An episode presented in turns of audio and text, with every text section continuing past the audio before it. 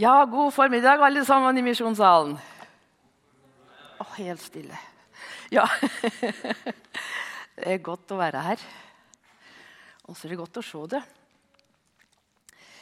Ja, som sagt så heter jeg Kari Helene Haugen. Og for eh, deg som ikke har møtt meg før, så vil du høre at jeg har ei merkelig dialekt.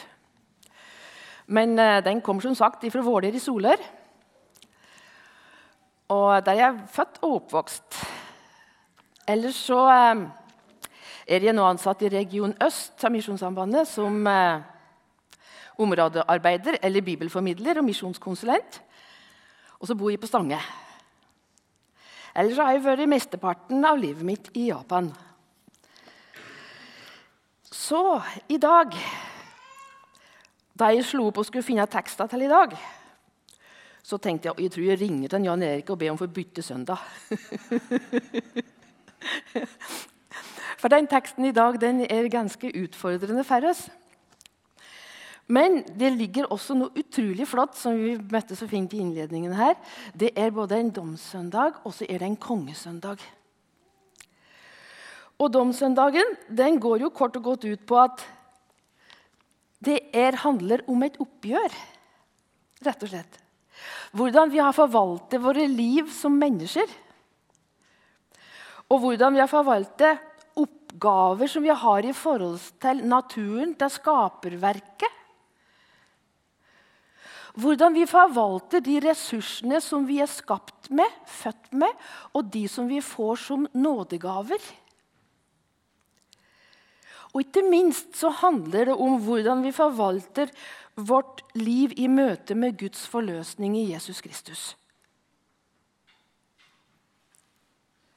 Det er all den rikdommen som vi har fått, som vi har fått et forvalteransvar for. Og så sier mange det, i hvert fall i min familie og kanskje i din familie òg. Ja, jeg er herre i eget liv, jeg. Så jeg skal ikke stå ansvar overfor noen Gud. Han som ikke eksisterer. Ja, jeg skal stå ansvar for eget liv.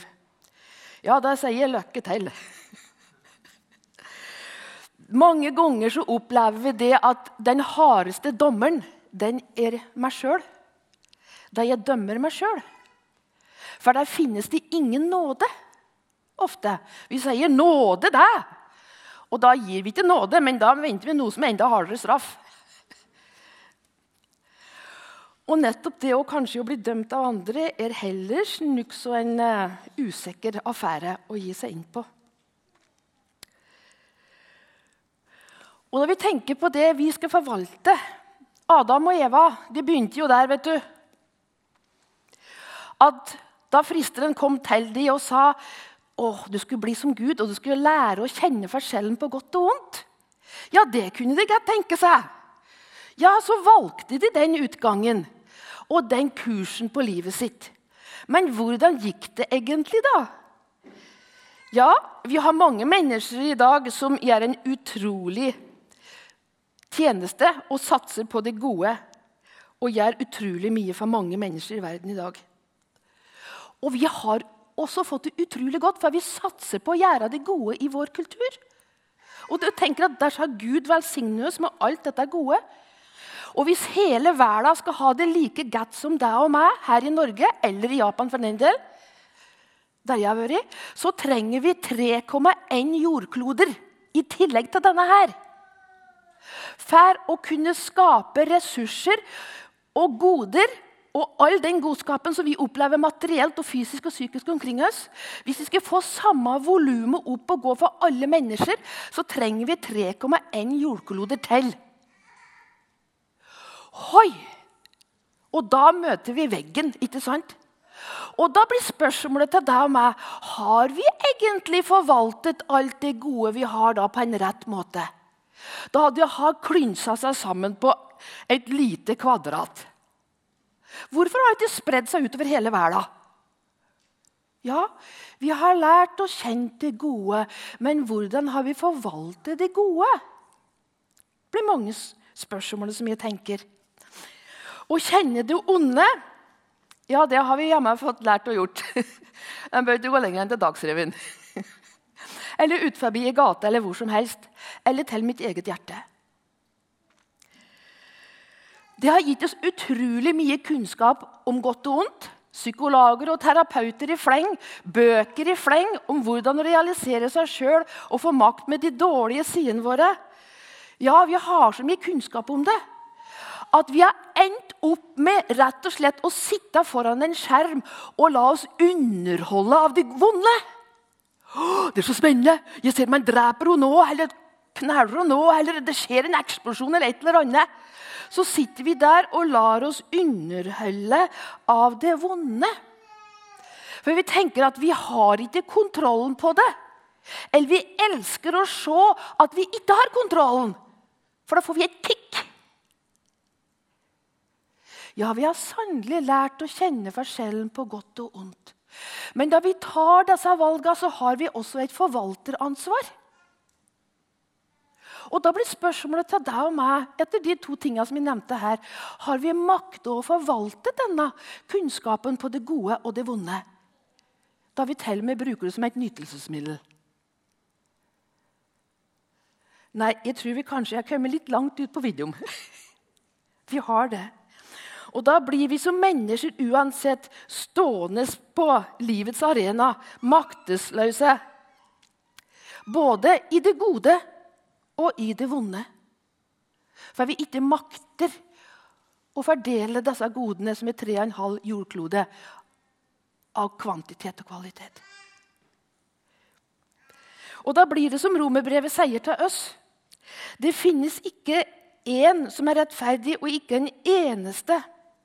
Ikke noe menneske blir rettferdig på grunn av lovgjerninger som lover kreves. Men loven, med loven lærer vi å synden å kjenne. Og loven er vår tuktemester til Kristus. Dette er domssøndagens dypeste intensjon. vil jeg si. Det finnes ikke én rettferdig. Det finnes ikke en eneste en, står det. Ikke noe menneske blir rettferdig for Gud pga. gjerninger. Men så kommer det også denne andre intensjonen her. Loven er vår tuktemester til Kristus. Og Den andre temaet som vi har for domsøndagen, det er kongesøndagen. Og så kommer dette store temaet på kongesøndagen midt oppi det her.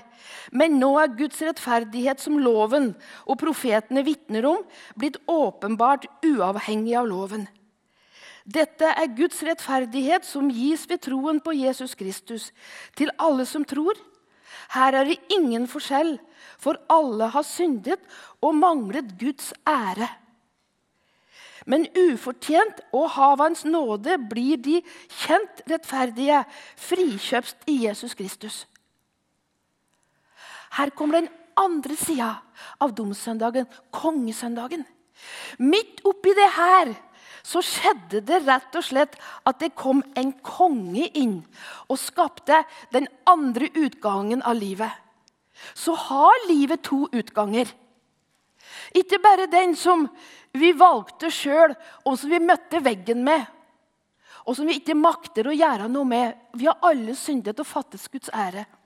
Og så står det jo det at syndens lønn er døden. Syndens lønn er døden. Og da vi velger denne veien, så kommer vi bare dit. I min familie så er det ganske få kristne. De har blitt litt flere de siste åra. Men jeg var på en konfirmasjon. Jeg vet ikke om jeg har fortalt en historie her før, men hvis jeg har gjort den, så er det for at du skulle huske den. Og da, Jeg var hjemme fra Japan første periode. Og så var jeg bedt et uh, konfirmasjon hos et uh, søskenbarn som var ganske mye yngre enn meg. Og Det var tanter og onkler i fleng, og vi satt ved dekka flott langbord i stua hos tante og onkel. Og så satt en onkel til meg helt nederst i andre hend, for han var liksom da familiens kamphane. Og så satt de andre ein sammen med noen andre tanteunger. Og så Middagen var veldig god, og de kakla i talliker og det klinka i glass. og Alle hadde det helt topp. Så ble det litt stille, og så sa, sa det nederst hos høvdingen ved bordet. Du, Kari Helene, denne der, der Jesusen som du tror på, det er bare eventyr. at den er stått opp ifra døden, det er i hvert fall køl umulig. Alle mennesker dør, og så er det slutt og ferdig, hele greia. At du kan tro på noe sånt, da. Og det ble så stille. Den hva skal jeg gjøre nå? For han så var det kun én utgang på livet. Det var kun en eneste utgang. Og det var La oss nyte livet her, for vi skal jo alle dø en gang. Og herfor kaste bort livet med andre ting. Og det er akkurat som det står hos profeten Jesajas. Men se, det er jubel og glede.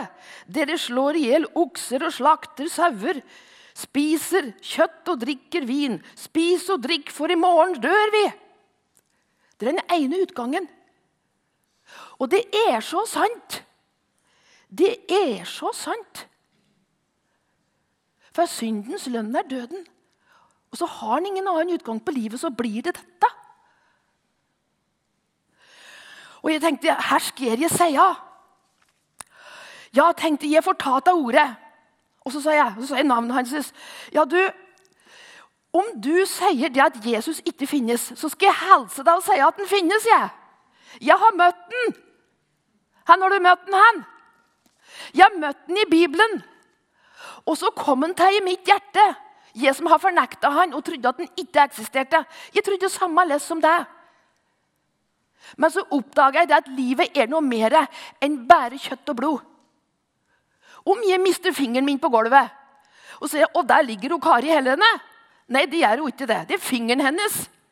Om vi ikke fant at den fingerbiten, da, så vil den råtne. Ja, det er sant, vi råtner, sa han, og blir ikke noe mer. Ja, om denne fingeren min vil råtne, da, vil jeg da si at Kari Helene ikke eksisterer lenger, for hun har råtnet? Nei, det er fingeren min som ligger der. Det er fingeren som råtner. Men og Kari Helene, hun lever allikevel. For jeg har en sjel, jeg har en ånd. Og de har en evighetskarakter som er annerledes enn kjøtt og blod. Om du tror at livet stopper med døden, og at det er slutt, så er det ikke det. For jeg vet at Jesus har stått opp, og han lever. Og han lever i mitt hjerte. Om du sier at han ikke gjør det, og du mener at du kan avskaffe Guds eksistent med å si at han ikke er, ja, da gjør du det sjæl til Gud. Og han tror ikke på eksisterer engang.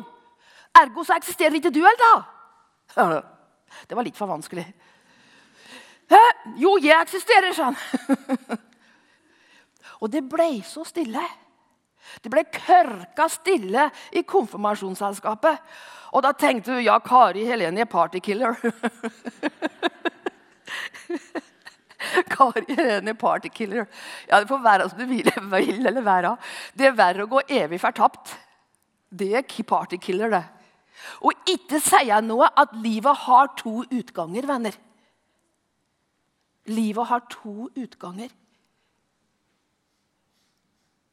Og heldigvis så var det Jesus som skaffa meg denne muligheten, alternativet, til å få en annen utgang på livet enn å dø. For det er ikke slutt da en dør. Det er bare en fortsettelse.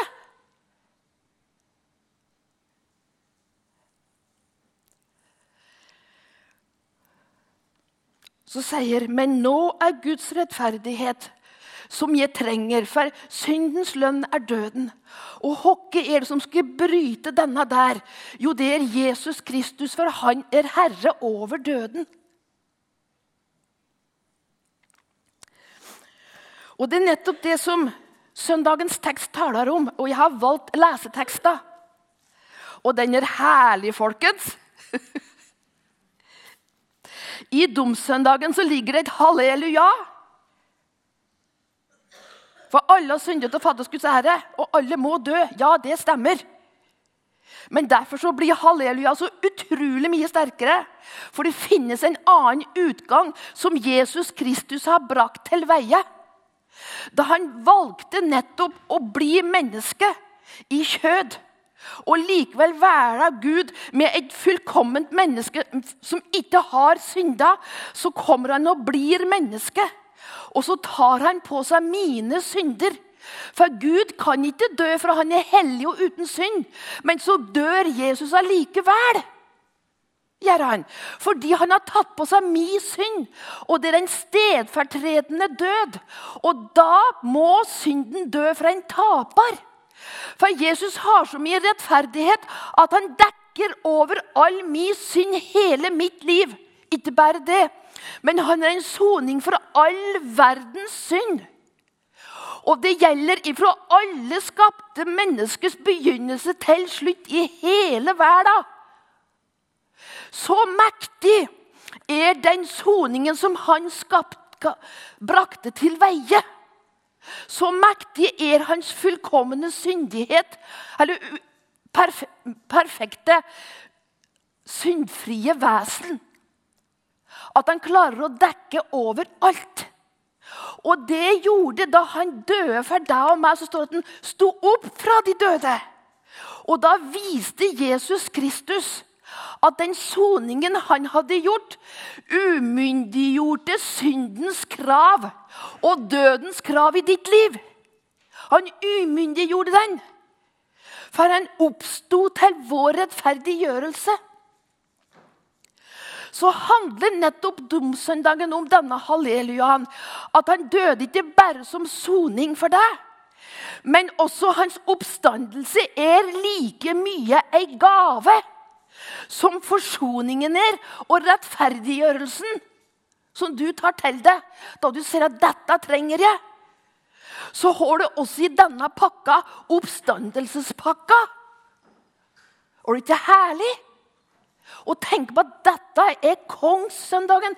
Han er helt konge, rett og slett.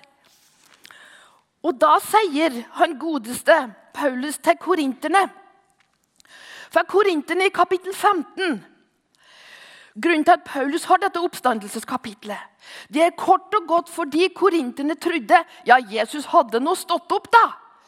Men de trodde ikke på legemets oppstandelse av seg sjøl. Det trodde de ikke på. Og da sier Paulus egentlig det går ikke an, det. Og Derfor så skriver han tekster til oss i dag fra kapittel 15, og jeg vil lese fra vers 20 til 28. Men nå er Kristus stått opp fra de døde, som førstegrøden av dem som er sovnet inn. Fordi døden kom ved ett menneske, er også de dødes oppstandelse kommet ved ett menneske. For slik alle dør på grunn av Adam, skal alle liv ved Kristus, alle få liv ved Kristus. Men hver i sin tur. Kristus er førstegrøden. Deretter, ved hans gjenkomst, følger de som hører Kristus til. Så kommer slutten, når han overgir sin kongsmakt til Gud, sin far, etter at han har tilintetgjort alle makter og myndigheter og krefter. For han skal være konge helt til Gud har lagt alle fiender under hans føtter. Den siste fienden som blir tilintetgjort, er døden. For alt la han under hans føtter. Når det står alt, er det klart at Gud er unntatt. Det er jo Gud som legger alt under ham. Men nå når alt er underlagt ham, skal også Sønnen selv underordne seg Gud, som har lagt under ham, og Gud skal være alt i alle.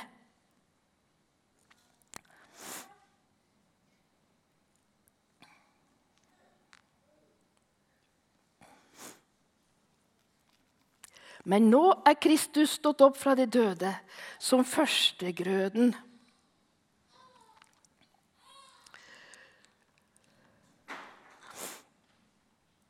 For Hvis ikke Kristus hadde stått opp fra de døde, så sier Paulus, så vil vi enda være i våre synder. Da ville ikke synden være sonet. Men når Kristus er stått opp fra de døde Og hvis vi sier slik som korinterne, at Jesus sto opp, men han ikke var ei soning for våre synder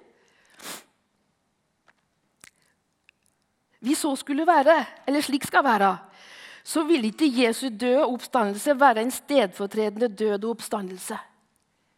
Det er umulig å tro at Jesus har stått opp, og ikke tro at de dødes oppstandelse på samme måte, i samme kontekst, i samme fysiske realitet, gjelder like mye meg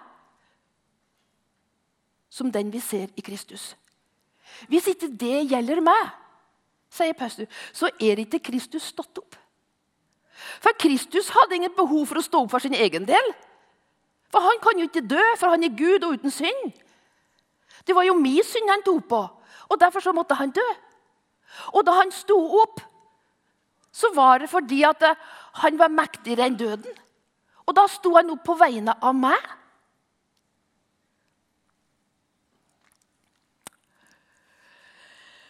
Vi har jo mange forskjellige også i vår historie som hevner akkurat, hevner, som hevder akkurat det samme. For jeg som kommer fra Hedmark og bor på Stange, så kjenner vi jo Hognestad godt. Den gnostisistiske troa der oppstandelsen ikke er fysisk, og ikke er reell og ikke er materiell. Den er det. For heller så hadde ikke Kristus sona med sin død all verdens synd. Jeg har, eh, da jeg var i Japan, så møtte jeg ei koselig dame. Ei god dame som heter Kodani. Hun er bestemor på litt over 70 år da. Nå er hun hjemme hos Jesus. Men de bodde i en firegenerasjonshus med stråtak. Og hadde tre-fire biler. Og alt moderne flatskjerm. Masse kultur på én plass. Og et stort, svært husalter det er kurotsu mikyo, vil si en del av den shintoistiske troa, som heter kurotsu mikyo. Den svarte jords religion. Vi var bønder. Og så hadde de ei oldemor der som lå for døden. Og han vesle gutten i huset han gikk på kjerkas barnehage. Og Før han skulle reise til barnehagen om morgenen, så var han innom stråmattegulvet til tatta min da oldemor lå på, på madrassen sin på gulvet. Så satte han seg ned og kikka på henne. Han forstod det var alvor. Hun var veldig sjuk. Så for han til barnehagen og kom tilbake litt seinere på dagen. og Inn på rommet til oldemor, og der satt bestemor hans. Og Så spurte han hva skjer med oldemor da hun dør. Og Så svarte hun hun går over til himmelen. Det var den buddhistiske, shintoistiske himmelen. Går du til himmelen, så kikker han på på bestemora si. Er du så sikker på det? Vet bestemor, Kjenner bestemor veien til himmelen? Kjenner hun til dette her? I den japanske tradisjonen da folk dør, så tenner de lys på husalteret. Og de lysa skal brenne i 40 dager og 40 netter. For i den tida så er sjela på vandring. Og uten disse lysa så finner ikke sjela fred. Den finner ikke fram. Og nåde der hvis ikke du passer på at de lysa brenner.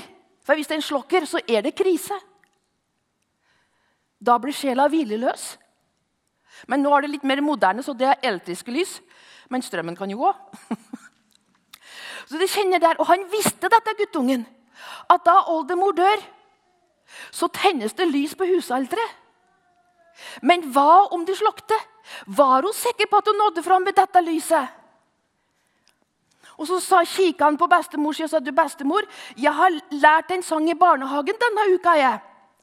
Og Da er det en melodi på disse, disse kjente bibelverset at Jesus sier han er veien, sannheten og livet. Og den som tror på meg, skal ikke vandre i mørket, men av livets lys. Og så setter han seg til å synge med høy røst for bestemor. Opp igjen og opp igjen og opp igjen for bestemor. Jesus sier, 'Jeg er veien, sannheten og livet'. Gir alternativet til det å gå i mørket og møte døden og ikke vite hvordan det går. Det er en fortsettelse, men ikke vite hvordan, og hvordan komme ut av den. Så hadde han fått tak i denne guttungen. Det er en annen vei. Det er Jesus Kristus. Han er veien, sannheten og livet. Og den som tror på meg, skal ikke leve i mørket, men ha lys. så ble hun bestemor så urolig. Etter en to-tre dager etter begravelsen så ringte hun til meg. Og så fortalte hun det. 'Jeg har det så travelt.' 'Men jeg vil lese Bibelen', sa hun. 'Har du det travelt?' 'Skal vi ta det en gang i måneden', da, sa jeg. Nei, hun hadde det altfor travelt til det. og da forsto jeg ingenting. Eh, hvordan Har du så travelt? Ja, for at de er så gammel, og snart er du ute med Jeg har ikke mer tid. Jeg har det travelt med å finne denne andre alternativet. Denne som er sterkere enn døden. Han som er veien igjennom døden. Som ikke er avhengig av at noen tenner lys, men som sjøl er lyset. Ja, Skal vi ha undervisning en gang i uka, da? Ja, kan du det? Ja, sa jeg. Og vi fikk faktisk en gang i uka i to år satt vi ved foten av det store, svære husalteret, der det lufta røkelse i tilbedelse av de døde i slekta over mange, mange, mange, mange år. Som ikke hadde fått lært Jesus å kjenne. Som ikke visste om noe annet alternativ. Og så satt hun bestemor der, så satt vi sammen, og så leste vi dette om han som er veien, sannheten og livet, og at han er utgangen fra døden med sitt liv. Så bekjente hun trua på Jesus etter to år. En lang, forunderlig vandring. Kjære venner. Jeg tenker at, Hva betyr denne domssøndagen for deg og meg? Hva betyr denne kongesøndagen for deg og meg? Hvilke konsekvenser får det for hverdagslivet vårt? Hva, hva, hva, hva pusher det meg til? Da Paulus kommer, så nevner han da opp som vi skal gå inn mot slutten her, så sier han kommer liksom en rekkefølge om hva som vil skje. Det står om at Kristus han er førstegrøden. Så vil han slå fast at det er en legemlig, fysisk oppstandelse som er mer enn noe spirituelt. Kristus var førstegrøden, sier han. Og førstegrøden var den delen av avlingen som de tok av sides og ofra til Gud som en takk og pris til alt det han hadde gitt. Og så var det tegnet på at nå hadde høsten, innhøstning, starta. Og den fortalte om en høst som kom etterpå, som var av samme kvalitet som den første. Det var førstegrødens mening og innhold. Og så sier Paulus at Kristus, han er førstegrøden. Så sier Kristi oppstandelse slik som han kommer, kom for 2000 år siden, så begynte de siste tider. Og fram til de siste tider varer til Kristi gjenkomst. Og da sier han Kristus er førstegrøden. Deretter, ved hans gjenkomst, følger de som hører Kristus til. Da kommer resten av grøden. Som skal oppstå som tror på Jesus Kristus. Og den skal være samme less som Jesus sin. Like mye som det blir gitt et herlighetslegeme, eller et jordisk legeme, skal det bli gitt et himmelsk legeme. Og det skal være like konkret og reelt. For Kristus var førstegrøden. Hva betyr det for deg og meg? Da har vi ingen grunn til å leke struts i familiesammenhenger, folkens. Og så ja, liksom skjemmes det, jeg tror jo på Jesus. Ja, jeg får kanskje holde tett. Nei, det er han er konge, Jesus. Nå satt de på toget innover i dag, og det var så mye Kongsvinger-fans og noen trøndere som hadde våga seg på. Oi, oi, oi! De heia på! Og det var noen som satt bak meg. Ja, du skjønner, Gutten min begynner å bli litt interessert i fotball. Han begynner å bli såpass stor nå. Så jeg vil, så plekte med Arsenal. Nei, det var ikke noe særlig å satse på. Men han samla på noen andre. Det var visst Manchester, og så var det Liverpool. Og han skulle ta fram disse der klubbmerka sine og skulle kopiere dem opp. Og så skulle han peke på at dette der var sønnen sitt. Og så tenkte han ja, for nå står han for viktige valg i livet. Ja, halleluja. Viktige liv i valget. Og de som satt på, i toget, var så opptatt av dette. Jeg måtte nesten skjemmes sjøl. Jeg tenkte at ja, ja, det finnes nå ett valg som er enda viktigere i dag. Vi alle skapte mennesker står for to valg. Det er å velge dette valget som møter døden og hjelpeløsheten, og allikevel ha en evighet etterpå. Eller å velge Kristus og møte døden med et løfte som Paulus sier her. Da han kommer igjen, så skal de som er i Kristus, oppstå til et evig liv med en fysisk kropp reell lik Jesus sin førstegrøde. Og så kommer slutten, står det. Da virker som det er tidsintervaller i disse avdelingene. Men etter at det har skjedd, så skal det da Så kommer slutten. Og nå, når han har overgitt sin kongsmakt til Gud, sin far, etter at han har tilintetgjort alle makter og myndigheter og krefter, og da skal resten oppstå. Også de som har fornekta Jesus Kristus. Også de som ikke kjenner Gud, står det i romerbrevet. De skal oppstå, og de skal dømmes. Folken, vi må ikke leve av struts. Da folk gir deg anledning til å si noe om at livet har to utganger, så har vi et herlig budskap.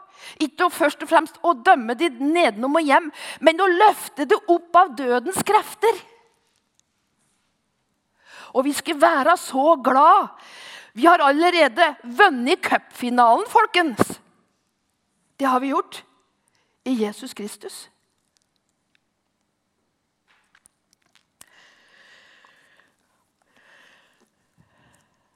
La han få møte deg med dette oppstandelsesbudskapet. La det bli en del av kroppen din i hverdagen. Må vi ikke være som Emmaus-vandrerne som gikk til Emmaus? Så kom Jesus gående og sa de visste jo ikke det. da. Det virker av og til som ikke vi vet også, at den er der. Ja, det er så mye elendighet. Det går bare nedenom og hjem med denne kristendommen vår. Vi som trodde at Jesus skulle være der ja, Vekkelsen for 30, 40, 50, 60 år siden. Men i dag er det ingenting. Nei, du ser utover landet. Det er mørke tider.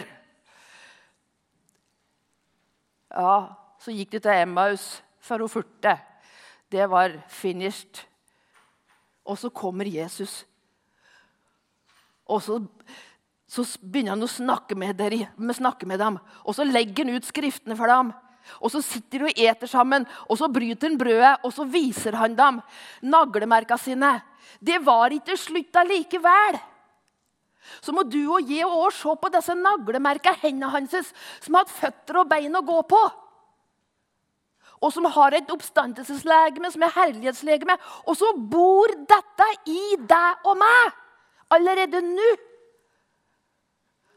Og da vi dør, og han skal ikle vårt fordervelseslegeme med et himmelsk legeme, så skjer det en transformasjon. På lik linje som Jesus ble transformert til et herlighetslegeme, til et himmelsk legeme. Og Da disiplene forsto dette, som var på vei til furtelandsbyen Emmaus, så står det at de ble så glad står det, at de snudde på hæla og for som noen raketter tilbake til Jerusalem. Hør, folkens! Han har stått opp! Og så ble det ikke Å, det er så fælt. Nei, det nytter litt, litt av det her. Vi får da bare suset på som vi har gjort, vi. Nei.